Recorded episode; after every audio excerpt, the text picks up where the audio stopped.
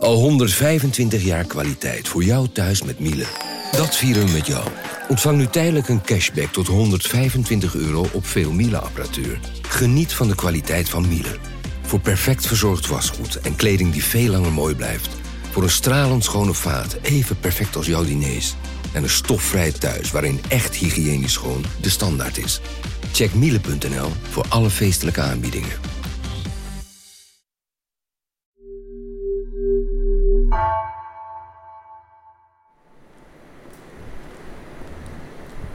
Lopen nu eigenlijk echt over de buizen heen.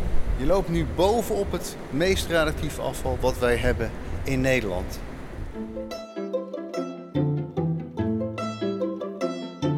Welkom. Wij zijn Onbehaarde Apen. Dit is een podcast van NRC over wetenschap.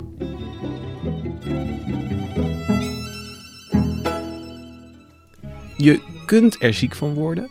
We zijn er ook een beetje bang voor. En soms straalt het nog duizenden jaren na. Kernafval. Dat is het afval dat vrijkomt bij kerncentrales, maar ook op andere plekken zoals ziekenhuizen. En nu kernenergie weer op de politieke agenda staat, roert ook de vraag over kernafval zich weer. Hoe gaan we in Nederland eigenlijk om met het kernafval dat we nu produceren? En hoe bang moeten we ervoor zijn? Mijn naam is Lucas Brouwers en vandaag zit ik in de studio met wetenschapsredacteur Karel Knip. Hallo uh, Lucas. Hallo, jij schrijft al bijna 30 jaar over kernenergie en kerncentrales. De laatste jaren wat minder, maar ja. Uh, ja. Even, we komen er later nog uitgebreid op terug, maar wat is slechter voor het imago van kernenergie? Een kernramp of kernafval?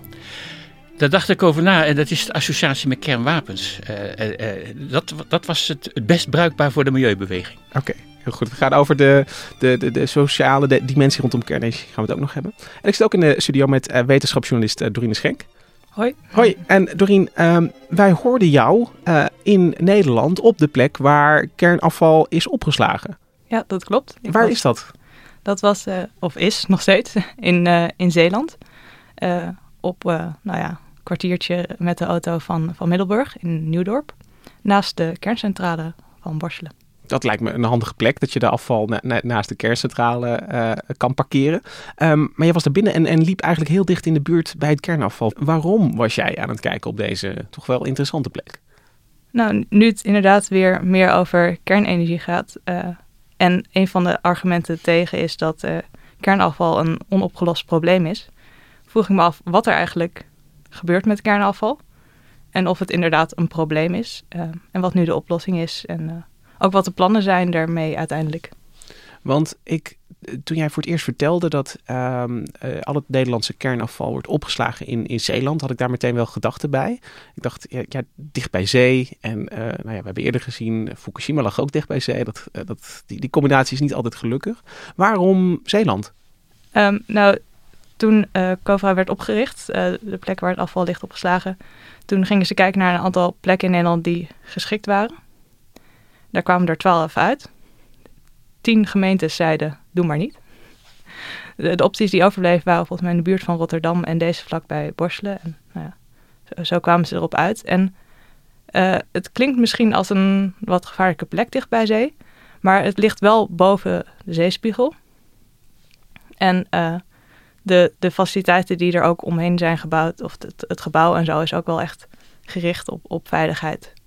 Karel, heb jij destijds iets meegekregen over die discussie over waar dat kernafval moest komen? Of was dat ook uh, voor jouw tijd? Uh, nou, ik, dat heb ik niet helemaal meer paraat hoe dat ging. Wat ik aan kan toevoegen is dat de Zeeuwen van alle Nederlanders het minst benauwd zijn voor, voor kernenergie. Omdat de centrale Borselen een goede werkgever is. En ze hebben helemaal geen slechte ervaringen met Borselen. Maar wij waren in het begin, maar daar komen we misschien nog over te spreken, heel uh, nonchalant met dat, uh, met dat afval. Hoe nou uiteindelijk uh, de COVA in, bij Vlissingen terecht is gekomen, dat, dat, dat weet ik niet meer. Maar het zal wel zijn zoals Dorine zegt. de meeste gemeentes vinden het prachtig dat het wordt opgeslagen als het maar niet in de buurt is. Nee, precies. En het heeft wel, wel degelijk een voordeel om dat vlakbij Borselen te doen qua transport. Je hoeft er minder ver mee te rijden. Ja, dat, dat komt goed uit. Nou zijn er natuurlijk nou ja, niet meer kerncentrales, maar er is wel ook nog een kernreactor in Nederland bij Petten. En daar moet het wel ook vandaan komen naar, uh, naar Borselen. Ja, en als we het dan over uh, Kovra is de plek waar het samenkomt. Daar komt al het kernafval samen. Hoe ziet dat eruit? Wat, uh, hoe komt dat binnen? In welke vorm? Um, Covra haalt het radioactieve afval op. Dus in, als je in Nederland met radioactief materiaal werkt, dus dat kan zijn als je een kerncentrale bent, maar ook als je onderzoek doet met radioactieve materialen. Dat uh, gebeurt in labs en ook bij de onderzoeksreactor in Petten. En daar worden bijvoorbeeld ook uh, medische isotopen gemaakt voor medisch onderzoek. Als je dat doet en met zulk materiaal werkt, dan moet je uh, je afval, je radioactieve afval, moet je inleveren bij een instantie die daarvoor is aangewezen. In Nederland hebben we één instantie die dat doet, dat is COVRA. COVRA levert dit soort bedrijven en onderzoeksinstellingen grote bakken waar ze al het afval in opslaan. En zodra zo'n bak vol is, dan uh, komen ze het ophalen. Er wordt allemaal heel precies geregistreerd wat erin zit. COVRA komt met een veilige vrachtwagen om het te vervoeren. Die checkt ook of inderdaad klopt dat erin zit wat erin zit. Straling is namelijk heel makkelijk te meten.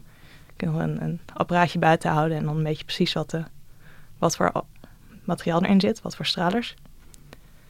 En dan uh, vervoeren ze het naar Zeeland. Het is trouwens zo dat als je bijvoorbeeld um, radioactief afval van een, van een reactor of van een centrale hebt, dat is iets gevaarlijker dan nou ja, de overblijfselen van, van medisch onderzoek of van ander onderzoek. Dus wat, dat voor, gaat... wat voor overblijfselen kunnen dat dan zijn bijvoorbeeld van medisch onderzoek? Uh, nou, dat uh, kan handschoenen zijn die gebruikt zijn, een injectienaald, een potje waar iets in afgebleven is, achtergebleven is, een sponsje waar iets mee opgeruimd is, in het ergste geval kan het zijn dat er een bakje is omgevallen in een koelkast. En als die koelkast niet meer schoon te maken is, dan komt in theorie de hele koelkast naar Covra. Als dat niet meer schoon te krijgen is. Ja, dus echt, uh, ook in de letterlijke zin gewoon, kan het gewoon troep en afval uh, zijn die, die je ook uh, als dusdanig kan herkennen als je er kijkt. Van ja. een, een, bak met, met afgedankt spul. Ja, dus, maar, maar, maar dan radioactief. Ja, er stond een voorbeeld en dan zie je inderdaad wat, wat flesjes en handschoenen en dat soort sponsjes. Ja. Niet alle radioactieve stoffen die we ophalen zijn ook per se afval. Soms zitten er ook hele mooie historische fondsen tussen. En een prachtig voorbeeld daarvan is deze gezichtscreme. Uh, daar zit radium in verwerkt. Uh, halverwege de vorige eeuw uh, werden nog toepassingen gecreëerd. dit soort toepassingen met radioactieve stoffen. Uh, en hiervan was het idee uh, dat als je dit op je gezicht uh, smeerde, dat je er energie van kreeg en dat je er stralend uitzag. En is, is dat dan het, het, het grootste onderscheid wat er is tussen zeg maar ja, gebruiksafval en, en uitgewerkte splijtstaven? ja, dat is wel het grootste, grootste verschil. Het verschil ook natuurlijk, het ene is iets gevaarlijker dan het andere. En uh, de splijtstofstaven van bijvoorbeeld de kerncentrale Borselen, als die gebruikt zijn, dan gaan die ook eerst naar Normandië, Frankrijk. En daar worden ze verwerkt. Dus daar wordt zoveel mogelijk wat nog bruikbaar kan zijn eruit gehaald aan uranium en plutonium. Dat zijn splijtstoffen die nog bruikbaar kunnen zijn in andere kerncentrales bijvoorbeeld of andere toepassingen. En uh, dat is ongeveer 95% van zo'n brandstofstaaf dat kan hergebruikt worden. Dus maar 5% blijft echt over als echt zwaar radioactief afval. En dat wordt in glas gegoten. En dat komt terug naar Nederland en wordt opgeslagen bij COVA. Net als het metaal waar de splijtstof in zat. Dus wat ik net zo'n mooi voor, voordeel vond, dat de kerncentrale dicht bij de uh, kernafvalopslagplaats uh, komt, dat, dat gaat dan weer niet op, want, want dat, uh, die splijtstaven gaan dus heen en weer richting Normandië. Ja, dat geldt dus alleen voor dingen als pijpleidingen en filters en dat soort dingen die ook besmet raken, zeg maar, en vervangen moeten worden. Die, die hoeven niet zo ver te reizen, maar... ja, precies. Er zijn nog steeds onderdelen uit borstelen ja. die, die snel naar de dumpplek kunnen, maar die splijtstaven die, die gaan nog een keertje heen en weer. Ja, die hebben eerst nog een reisje naar Frankrijk. En als het dan eenmaal terug is in Nederland, dan wordt het dus bij Cobra opgeslagen. En dat is voor een tijd van ongeveer 100 jaar. Dat is de tijdelijke berging. En daarna is het plan om het in een meer definitieve eindberging op te slaan. Want uh, in, in de kernafvalwereld geldt, uh, geldt 100-jarige opslag als tijdelijk. Ja, dat uh, kun je wel zeggen, ja. Want, want om even een indruk te krijgen van...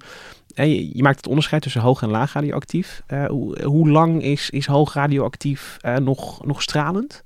Uh, dat, het verandert een beetje. Uh, het kan dus duizenden jaren stralen, maar het is niet duizenden jaren hetzelfde.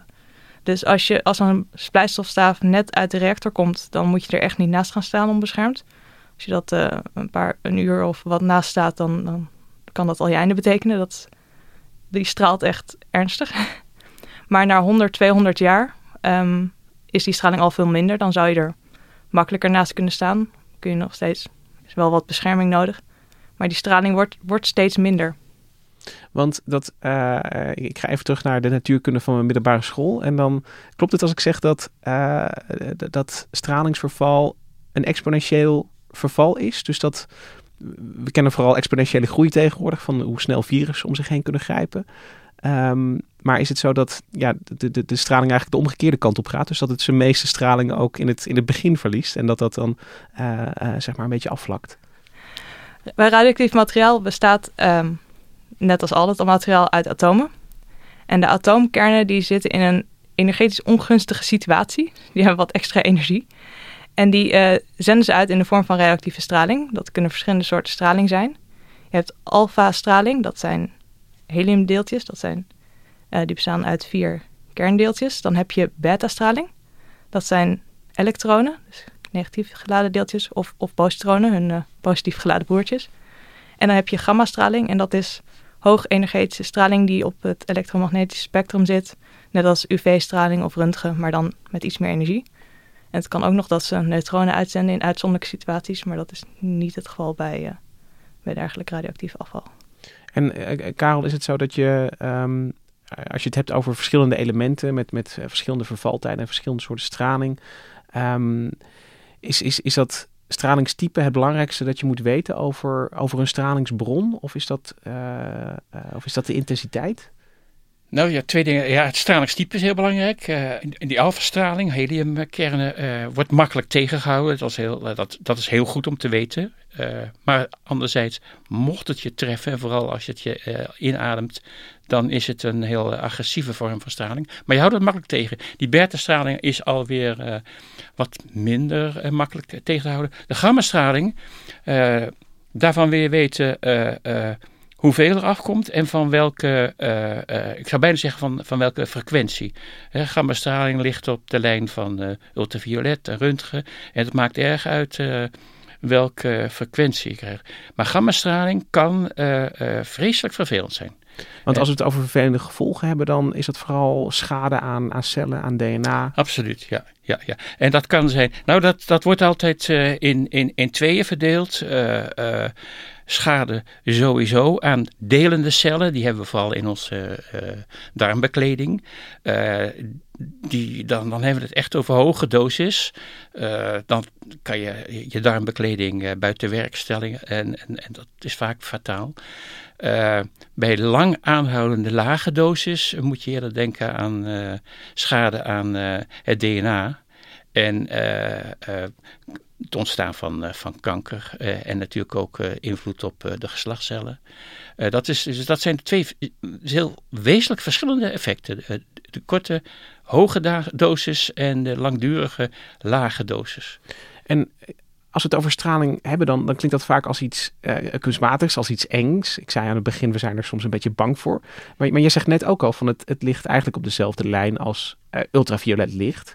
Dus uh, hoe verhoudt zich dat tot, tot elkaar? Is, is, is het licht dat je van de zon op, op je huid valt, is dat wezenlijk anders dan, dan wat eruit...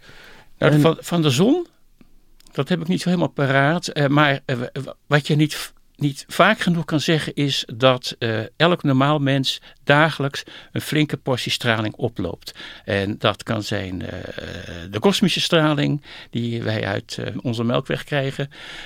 maar er, zit ook, er komt heel veel straling uit, uit bouwmateriaal zetten, klei en dergelijke, gipsplaten. er komt wat radioactief gas uit de bodem zetten.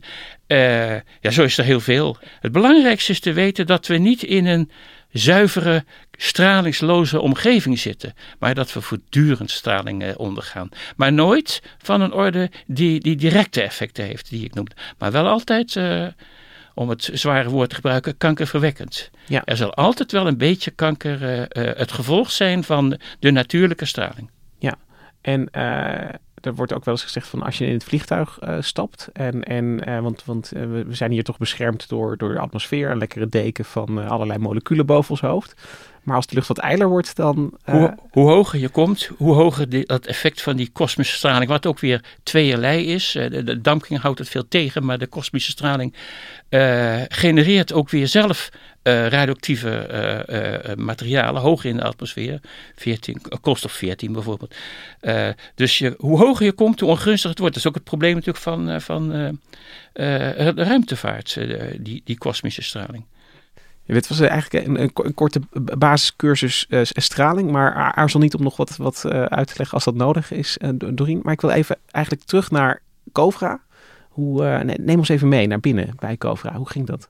Ja, ik was er samen met producer Julia en nou, het ligt op een industrieterrein, het gebouw.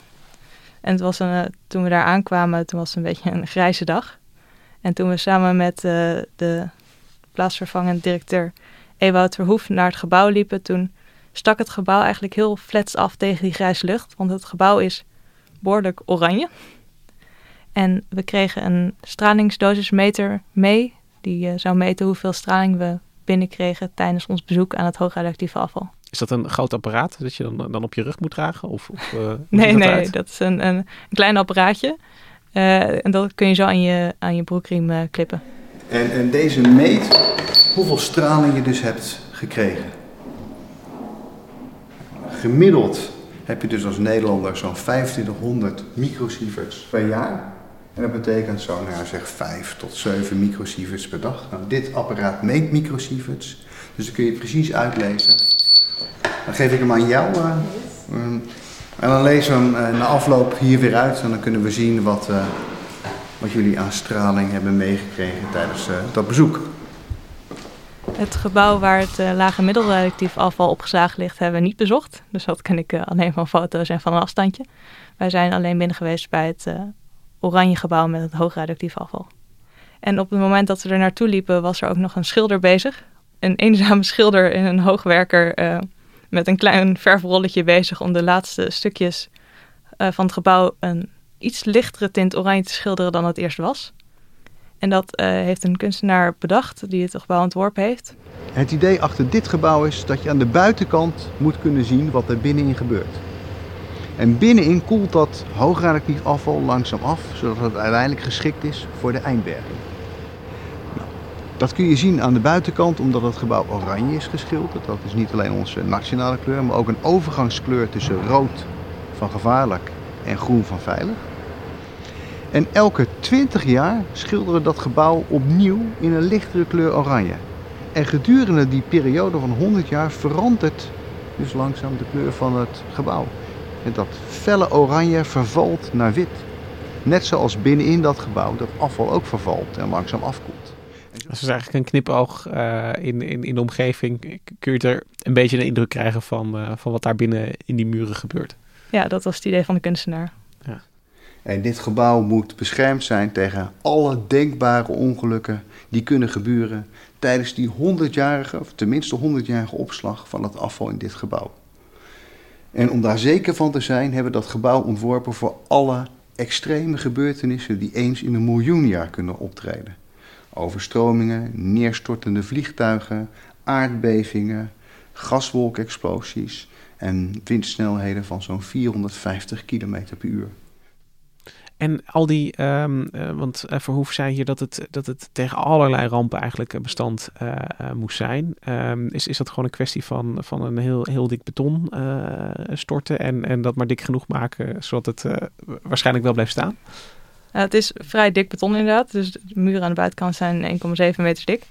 En daarnaast zit er ook staal in verwerkt. Het is gewapend beton, er zit meer staal in dan in de Eiffeltoren, vertelde hij. En ja, op die manier is het dus een heel groot, stevige bunker. Ja, dit is een opvallend gebouw in de omgeving. En, en, en Karel, ik ben wel geïnteresseerd door iets wat je aan het begin zei. Dat, uh, want want um, uh, ik bedoel, hier is allemaal heel goed over nagedacht. Dat zit stevig in elkaar. En je zei dat aan het begin ging men nog een beetje nonchalant om met, met kernafval, kernenergie. Wat, wat uh, kun je iets vertellen over hoe kernenergie... Nee, Nederland is nooit erg bang geweest voor, uh, voor, voor kernenergie. Dat is pas later gekomen, maar in het begin waren wij... Wij waren er heel vroeg bij. Uh, Leidse fysici reageerden heel snel op de ontdekking van kernsplijting en konden vlak voor de oorlog een grote partij uranium op de kop tikken. dat is eh, aangekocht in, in België bij Union Minière, zal wel uit de Congo komen of zoiets. Wij hadden een prachtige partij van, eh, uranium in, in 200 vaten van 50 kilo. al als, als yellow cake, dus al helemaal gezuiverd en omgezet. daar zou iets interessants mee gedaan kunnen worden, dacht, dacht, dachten ze in Leiden. Dus dat heeft ze in Leiden, de Leidse Universiteit, opgesteld. Uh, toen bleek dat de vervalproducten van het uranium de metingen uh, in, in, in Leiden verstoorden, is het gebracht naar Delft, allemaal nog vlak voor de oorlog. En hadden wij dus uh, 200 vaten in Delft staan, in het latere, wat later het hoofdgebouw van, van TH Delft zou worden. Toen brak de oorlog uit en toen dachten ze, die Duitsers die willen natuurlijk dat uranium hebben. Dat hebben de Duitsers ook, die hebben ook naar gezocht. Misschien was het bekend geworden. Uh, het stond diep in de kelders van het hoofdgebouw en was uh, gelabeld gele oker. Uh, en daar is het blijven staan. er is zelfs waterschade geweest in, in, in die... In die op een gegeven moment hebben ze het achter een muur gezet. Er is een muur voor gemet. Dus het is, uh, het is nooit ontdekt.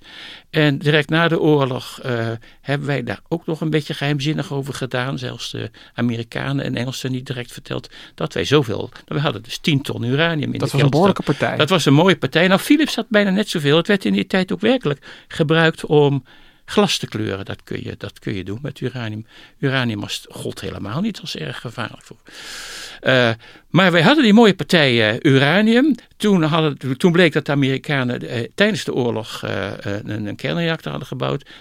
En had Nederland ineens een fantastische uitgangspositie om ook een kernreactor te gaan bouwen. En toen hebben we samenwerking gezocht met de Noren. De Noren hadden heel veel zwaar water. En met onverrijkt uranium en zwaar water kun je toch een, een, een, lopende kernreactor maken. En wij hebben dus, uh, Nederlands met de Noorden samen, hebben een uh, reactor aan de praat gekregen in Noorwegen. En ja, dat heeft Nederland heel vroeg inzicht gegeven in, in het, het, het, het, beheren van, van reactoren. En daarna zijn we er vol in gegaan. Als je het nog eens terugleest, denk je, we hadden op een gegeven moment wel zes reactoren staan in Nederland. In 1957 kwam er nog even een zevende langs. Dat was een rijdende expositie in uh, Schiphol. Een rijdende expositie? Een rijdende expositie, of verplaatsbaar, laat ik het zo zeggen. Er, was er kwam een kleine reactor even over, uit Amerika als ik me niet vergis. En uh, die werd op Schiphol tentoongesteld. Klinkt niet per se dus, als een goed idee, een, een reactor. Nou ja, destijds was, was daar geen angst voor. Uh, men wist, uh, zoals Dorina al zei, je kunt straling uitstekend meten. Dus uh, je kunt op elk willekeurig moment vaststellen dat, dat de veiligheid is gegarandeerd. Maar het was zo, men was zo laconiek in het begin dat die testreactor in, in in Arnhem van de KEMA, een heel klein geval, maar een heel wonderlijk uh, apparaat. Uh, het afval wat daarbij vrijkwam, dat uh, werd begraven in de tuin. dat leek veilig genoeg. Later kwam het, als je dat naleest, dan denk je, dat was toch wel heel erg laconiek. Later dachten ze, hadden daar kinderen gespeeld en het idee was dat kinderen daar schade van hadden opgelopen. En toen werd besloten het toch maar weg te halen. Het is het in zee gegooid. en uh, ja, dat was een beetje de houding in het begin. Dus wel erg laconiek. Maar, maar uh, eigenlijk uh, dezelfde omgang als met andere soorten afval. Je stopt het onder de grond of, of je... Ja, je stopt het onder de grond of je gooit het in zee. en ja. zoals in die tijd ook chemisch afval verbrand werd op zee. dus dat, dat besef van, van veilig omgaan met afval, dat is pas langzaam gegroeid. En dat ja, het culmineert nou natuurlijk in, in uiterst veilige opslag in, eh, bij Vlissingen in, in, in, de, in de Kover. Maar we hebben wel een raar rommelig verleden achter de rug. En, en zit daar ergens dan een, een kantelpunt in waarop zeg maar, het sentiment zich uh, keert tegen kernenergie en misschien ook tegen het, het kernafval als, als probleem? Want, want nu is Nederland Europees gezien geen kernenergieland meer. Of dat het. Uh, nee, nou uh, ja, de, de, het verzet tegen kernenergie is, ligt van land tot land ergens verschillend. In, in Frankrijk is er nooit heel veel verzet geweest. Daar hebben ze heel veel reactoren neergezet die veilig geopereerd hebben. Met hier en daar wat kleine uitzonderingen de afkeer. Ja, je moet twee dingen ontscheiden: de angst en de afkeer uh, uh, voor, voor, voor, voor kernenergie. De afkeer is, is geleidelijk aan ontstaan, denk ik, in Nederland. In het verlengde van die, die vredesmarsen tegen, tegen kernenergie, tegen kernwapens uit, uit de jaren 50 en 60. begin jaren 70 krijgen wij natuurlijk dat hele milieudenken, die vooral in Duitsland erg aansloeg en in de Verenigde Staten wat verderop. De, Duitsers, uh, in de, de Duitse milieubeweging keerde zich fel tegen kernenergie. Uh, de Duitsers hadden heel veel kerncentrales neergezet. En uh, ik denk dat al in, in, in 72 of 73 die bewegingen hadden van uh, atoomkraft nein danken. De stickers. ja, die stickers die werden gelijk, soms zelfs niet eens vertaald, uh, in Nederland overgenomen. Dus daar begon een, een, een afkeer van kernenergie zich te ontwikkelen. Daarbij heeft een vreemde rol gespeeld dat, uh, uh, dat wij in samenwerking met de Duitsers uh, uranium gingen verrijken in Almelo. En dat beviel de, de, mensen in Nederland toch, toch niet erg. Dat wij samen met Duitsland iets gingen doen. wat uiteindelijk ook zou kunnen uitmonden in de productie van kernwapens. Wat nooit het geval is geweest hoor. Zie je het beeld voor je, dus, dus geleidelijk aan ja. een weerzin tegen iets wat niet helemaal goed te begrijpen was. En uh, waar de Duitsers ook een rol in speelden. Uh, Duitse herbewapening was angst voor. Uh, nou, het Duitse zuiverheidsgedachte. Ik geloof dat ik op de rand staat verkeerde dingen te gaan zeggen. het, is al heel betamelijk. maar maar dus dat, dat is het begin. En dan krijg je. dus dit tot zover zat het vooral in het gevoel. En dan krijg je. Harrisburg in 78, het eerste ongeluk, wat, uh, wat in Amerika toch bijna een paniek teweegbracht. Dat moet toch wel uh, uh, een, een, kantelpunt geweest zijn. Harrisburg, 8, maart 78. De hele omgeving van de centrale in Pennsylvania wordt ontruimd. Men vreest voor zware radioactieve lozing. Het is uiteindelijk perfect afgelopen omdat uh, uh, de systemen, de veiligheidssystemen hebben daar goed gewerkt. Daar was goed over nagedacht. Centrale heeft het uh, uitstekend gehouden. Er is een minimale lozing geweest uit de ventilatieschacht. Maar Harrisburg, dat, dat is er. Waarbij, nog als detail is te melden, dat zich wel zwaardere ongelukken hebben voorgedaan, in het bijzonder in 1957, zowel in Rusland als in Engeland, die werden geheim gehouden. Hm. terwijl de Russen hielden hun ongeluk geheim. En wij hielden ook het Russische ongeluk geheim, omdat Europa besloten had op dat moment over te gaan op kernenergie. Dus wij hadden de, het Westen wist wat daar gebeurd was, had er een vaag vermoeden van. In de Oeral was een groot ongeluk gebeurd. Uit uitmetingen bijvoorbeeld echt, konden ze ja, het zien. Ja, ja, echt een groot ongeluk. Nou, er waren wetenschappers uh, uitgeweken uit Rusland die daarover vertellen konden. Het is later ook gereconstrueerd. Het Westen wist dat wel, maar dacht, we hebben er geen belang bij om, om, om dat bekend te maken, want dan, dan daalt het vertrouwen in kernenergie. Dit was nog in 57. In die ja. tijd dachten er nog positief. Maar ik denk dat Harrisburg wel een kantelpunt is geweest. Ja. Ja. En dan krijg je al gauw, uh, nou ja, je kent de riedel, 86, Tsjernobyl. En dan, uh, het wonderlijk was dat wij de, de, de, de oliecrisis gehad in 73 en 78. de OPEC had zich geformeerd, de olie werd heel duur. En wij voelden ons opeens gevangen, de gevangenen van, van de olieproducerende staat. Toen werd er rond die tijd gestart in het denken uh, over uh, minder afhankelijk zijn van olie en kolen. En en, kernenergie was op dat moment de enige optie ja, eigenlijk het idee voor was, veel, voor het veel idee landen. was diversificatie, dat was het idee. En daar zou kernenergie een belangrijke rol in spelen. Dus, dus rond 80 uh, begint dan het idee van, daar moeten we eens goed over nadenken. Moeten wij niet meer kerncentrales bouwen? Brede maatschappelijke discussie op gang gebracht. Het mondde ook uit in het voorstel volgens mij om twee kerncentrales uh, neer te zetten in Nederland. En dan krijg je Tsjernobyl. En is het klaar.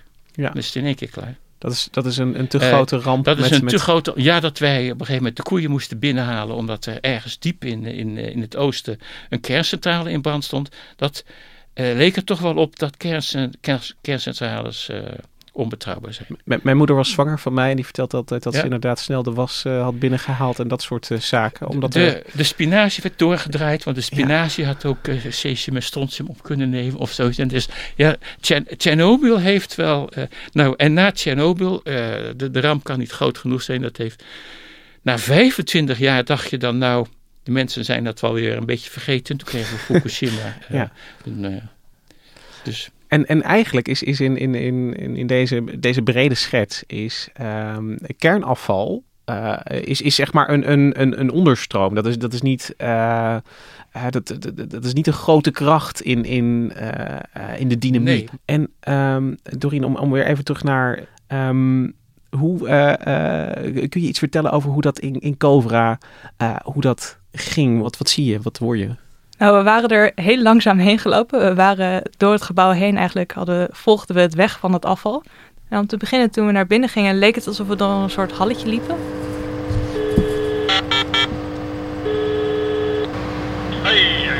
Hoi, mogen wij naar binnen? Ja. Goed, de gaat die open. Oké. Als je goed kijkt, dit is geen halletje, maar je loopt nu door zo'n 1,70 meter dikke betonnen muur naar binnen.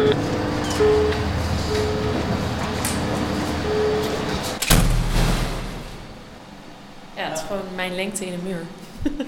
En eenmaal binnen in het gebouw, toen we de eerste deuren door waren, hoorde je een enorme herrie. En dat was de luchtdoorstroom, die, eh, die daar, eh, de ventilatie die daar door het eh, gebouw raast.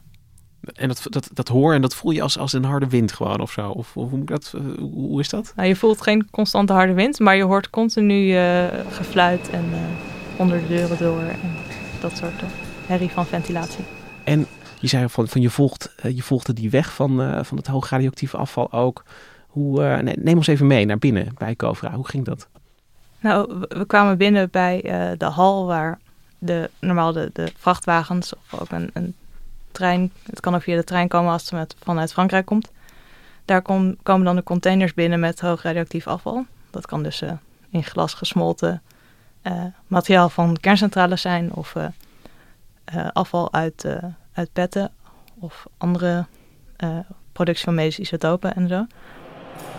Ja, dat gebeurt niet vaak. Zo'n transport eh, bij ons eh, dat, is tussen de drie en de vijf keer per jaar. Dus het is best uniek dat we nu hier staan terwijl dat gebeurt. En dat komt dan in een groot vat. Het- ze hebben ook speciaal ontworpen vaten voor, voor in die vrachtwagens, die ook schokdempend zijn en zo. Dus die vaten zelf zijn ook al vaak een paar ton. eh, en daar zit dan een, een vat in. Die wordt dan met een hele grote kraan uit de vrachtwagen getakeld en op een soort treintje gezet. Al die apparatuur, eh, waarmee dat dus ook vaak op afstand gebeurt, die eh, is zo stevig vastgezet en gemonteerd dat zelfs, vertelde Ewout, als er een aardbeving is, dan zit het nog steeds veilig als het net halverwege vanuit de vrachtwagen naar het treintje gaat. Dus dat, aan dat soort dingen hebben ze ook gedacht. Dus het is een, een, zo'n vat zal niet zomaar kapot vallen. Dan wordt het op het treintje gezet. En dan gaat het een hele dikke deur door. Hier zie je de eerste stop van dat treintje. En als dat treintje op positie staat, dan wordt het aan de grond vastgeklemd met twee reusachtige klemmen. Dan zie je daarboven een platform. Twee grote metalen cirkels die in elkaar zitten en los van elkaar kunnen draaien. En daarmee kun je dus elke plek op de deksel bereiken. En met vanuit dat platform daarboven kunnen we de schroeven van de deksel één voor één losmaken. En als al die schroeven los zijn, dan beweegt die container over de trein naar de volgende positie. En dan wordt het opengemaakt. Het gaat allemaal op afstand. De deksel wordt losgemaakt. En op afstand betekent dat met een robotarm of zo? Of? Ja, met eh, ja, besturing op afstand. En ehm, die besturing kan eventueel ook met de hand gebeuren op afstand. Er zijn grote wielen waarmee je eh, flink zou moeten draaien om zo'n robotarm dan te bewegen. Maar mocht dus de stroom helemaal uitvallen, dan zou dat ook nog kunnen. Dat testen ze ook eh, af en toe om te kijken of alles nog werkt. En dan onderzoeken ze of wat er in dat vat zit, of dat klopt. Of het vat goed schoon is aan de buitenkant. Eh, ze meten dus de straling ervan, zodat ze precies weten wat er binnenkomt. Of het allemaal klopt met de gegevens. We zijn hier eh, voor de controlekamer. Vanuit de controlekamer kunnen we alle apparatuur op afstand bedienen. De apparatuur die we nodig hebben om te werken met dat radioactief afval. Dit afval zo straalt zoveel dat je dus op afstand moet werken. Achter dikke muren en ook ramen. En daar zie je zo'n heel dik raam. Je kunt het er niet aan afzien, maar dat is een raam van 1,14 meter dik. En die biedt dus net zoveel bescherming als die hele dikke muren. Maar daar kun je wel doorheen kijken. En met die robotarmen die daarnaast zijn, kun je dus het afval meten en inspecteren.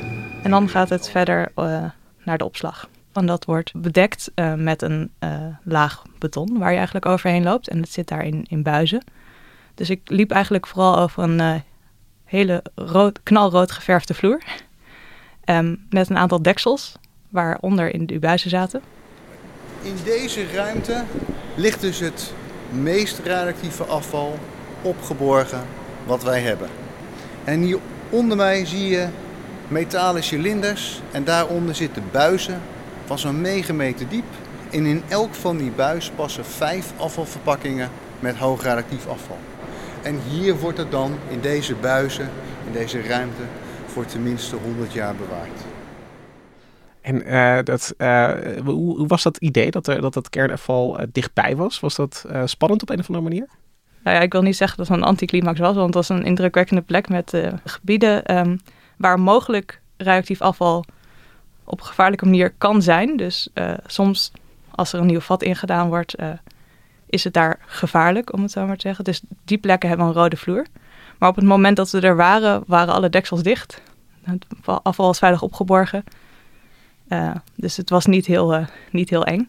Dus be- behalve de rode vloer kon je daar niks van merken. Geen, geen uitslaande Geiger-tellers of, eh, of andere instrumenten... waardoor je nou ja, iets meekreeg van de straling die daar misschien geproduceerd werd. Nee, het enige wat we konden merken waren de, de iets warmere vloeren. De, eh, de warme vloeren, is, is dat... Het was niet de vloerverwarming, neem ik aan. Ja, het was een vorm van vloerverwarming, maar het was niet een hele indrukwekkende, want het was eh, nauwelijks warm. Maar dat komt door de, de radioactieve straling die veroorzaakt warmte. Dus de warmte zelf is niet eh, radioactiviteit, maar eh, het uitstralen van het eh, hoogradioactieve afval veroorzaakt die warmte die met de lucht omhoog wordt eh, gebracht. Als je nu voelt aan het beton, dan voel je dat. Beetje lauw. Ja. Als je nu naar de volgende ruimte loopt, naar de volgende kluis met buizen, daar zit geen afval in. Oh ja, die is een stuk kouder. En uiteindelijk gingen jullie natuurlijk ook weer, ook weer weg. En dan ben ik wel benieuwd, wat stond er eh, op jullie eh, stralingsdosismeter? Nou, straling wordt gemeten in eh sievert en we hadden 0 millisievert eh, opgelopen tijdens ons bezoek aan het hoogradioactieve afval. Dus helemaal geen straling. Eh, Ik zou ook graag even jouw metertje willen hebben. Nu gaan we uitlezen wat jij aan, aan dosis in dat gebouw hebt ontvangen. En dat is dus in, in microsieverts uitgedrukt. En dat zijn er nul. Ik mag nog in het terrein. Ja, zeker. Ja. Ik straal niet na. Nul straling. Dus, dat, dus, dus eh, Maar dat kan helemaal niet, eh Dorine, want er is natuurlijke straling. Nou, dat- daar, zijn, daar ben je ook heel goed tegen beschermd in dat gebouw. Oh ja, ja. dus ja. mogelijk hadden we nog meer Ja. straling opgelopen als we buiten een Oké, rondje... Ja, Dus je kunt in zekere zin zeggen dat het, dat het daarbinnen misschien veiliger is dan eh, eh, daarbuiten op het eh, industrieterrein. Ja, zeker. En ik, ik, ehm, eh, ik vroeg me ook af, om hoeveel afval gaat het eigenlijk in eh, Nederland, in, in Covra? Over, over dat hoog radioactieve heb ik het dan, hè? dus, dus eh, zeg maar even het, het gevaarlijke afval. Nou ja, het lage midden kan, kan ook wel lang blijven stralen, dus dat kan ook, is ook vervelend. Maar het hoogradioactieve afval in Nederland, dat valt nog wel mee. Dat is eh, 110 kubieke meter. Dat, is- dat is wat er is Dat al. is wat er is, ja, van de afgelopen tijd. Dat ligt in Covra nu opgeslagen. En er komt eh, ongeveer 3 kubieke meter per jaar is er, is er dus aan, aan radioactief, hoog radioactief afval dat er wordt geproduceerd in Nederland. Dat valt echt wel mee. Eh, Frankrijk zit veel en veel hoger. En dat is ergens ook, eh, het is duur om radioactief afval op te slaan. En ook als je naar een eindberging wil bijvoorbeeld, dan, ja, dat is nog veel duurder. Dus het is nog niet echt rendabel. Want ehm, eh, de- de- de- die eindberging, dat, is, eh, dat, is, dat stipt hij al even aan in het begin. Eh, het woord zegt het al, eindberging, de Covra geldt als een tijdelijke opslag. En een eindberging, dat is de plek waarin het stopt en er eigenlijk niet meer naar omkijkt. Of niet meer naar kan omkijken, omdat het zo diep of ver weg is gestopt. En, en, en hoe is dat in, hoe gaat dat denk ik in Nederland daarover? Mo- Moet elk land eh, u- überhaupt in, op, op eigen territorium iets, iets bedenken voor het kernafval dat geproduceerd wordt? Eh, nee, dat hoeft niet. Nederland is ook in gesprek met een aantal andere landen die ook, net als Nederland, relatief weinig radioactief afval hebben. Ehm, en die, ja, we, er wordt ook gekeken naar inderdaad misschien een gezamenlijke eh, eindberging ergens. Er wordt gekeken naar verschillende plekken om dat te doen. Het zou in, de, in de kleilagen kunnen. Of in, in zout, inderdaad, in steenzout. In, in, in kleilagen in Nederland dan? Ja. Ja, ook, ook elders kan dat. Ehm, En, en hoe, hoe diep wordt dan eh, ge- ge- genoemd als, als goede bergplek? ja, honderden, honderden meters diep.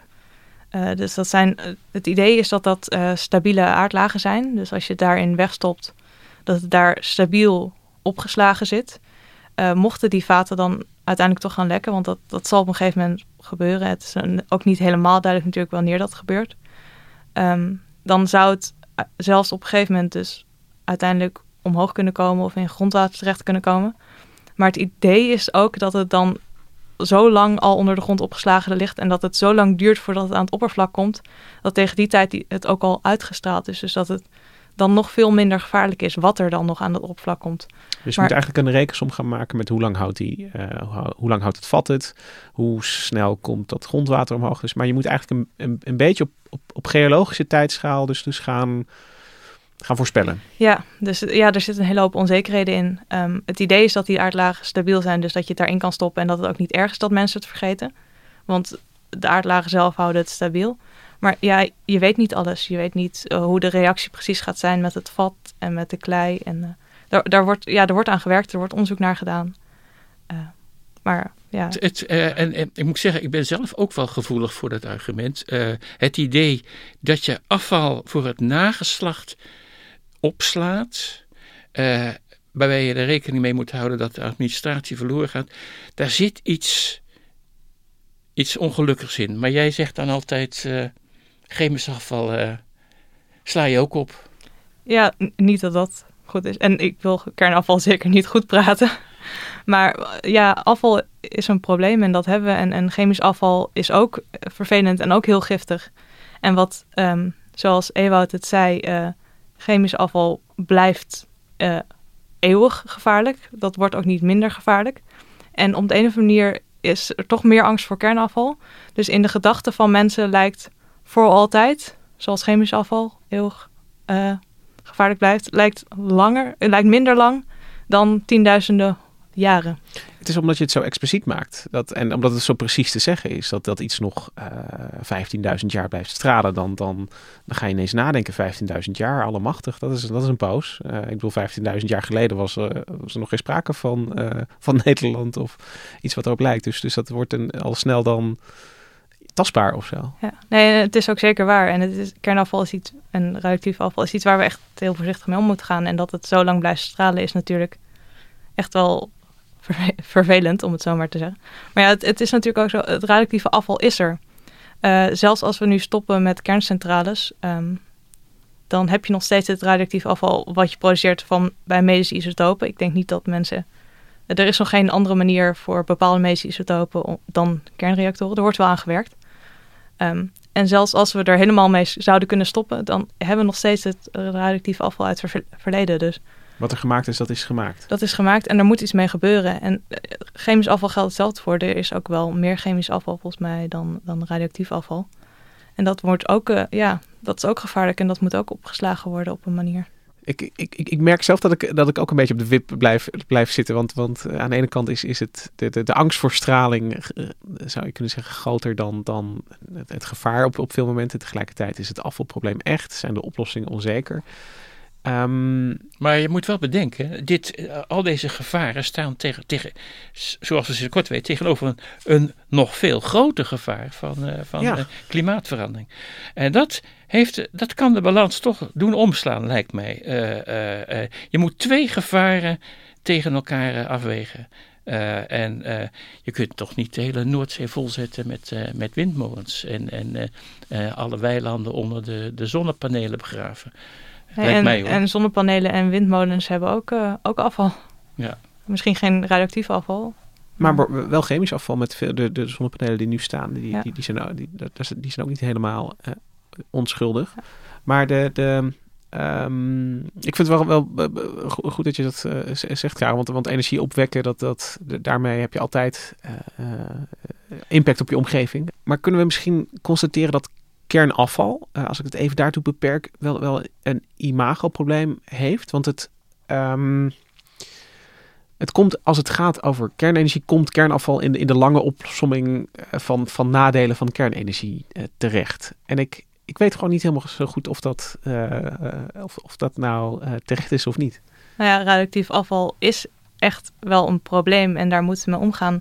Maar op de een of andere manier ligt radioactief afval veel meer eh, onder de loep dan chemisch afval.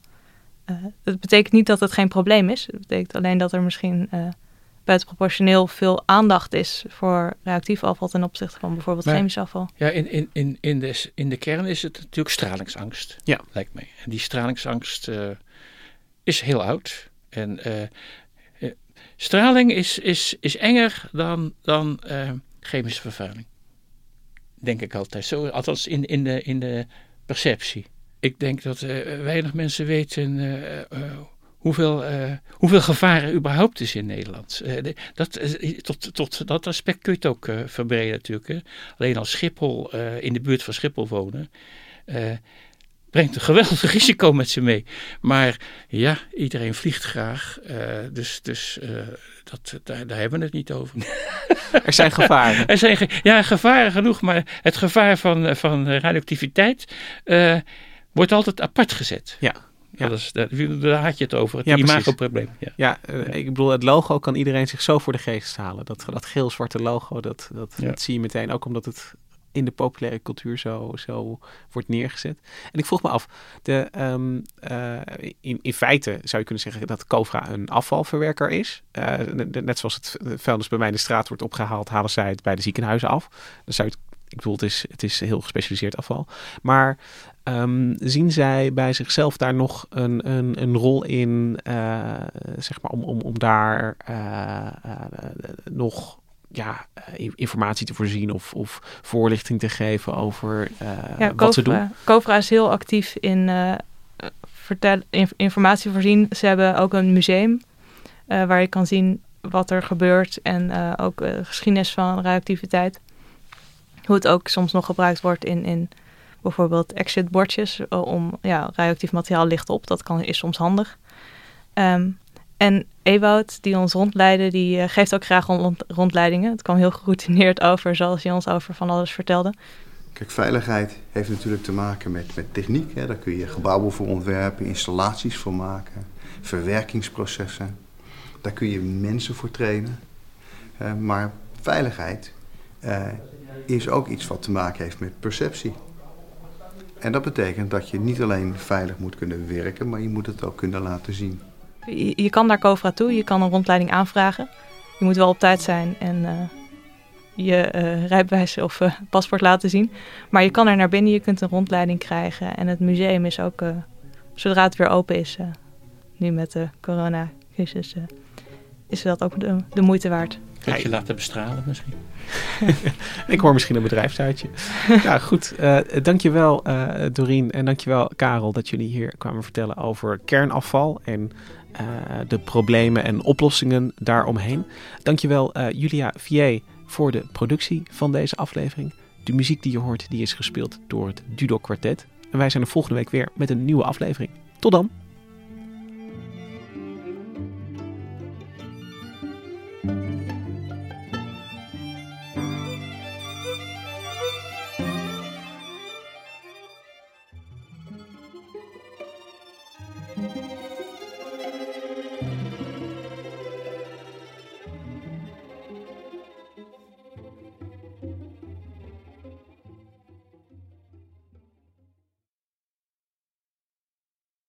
Technologie lijkt tegenwoordig het antwoord op iedere uitdaging. Bij PwC zien we dit anders. Als we de potentie van technologie willen benutten, kunnen we niet zonder een menselijk perspectief. Human-led, tech-powered noemen we dat. Ga naar pwc.nl.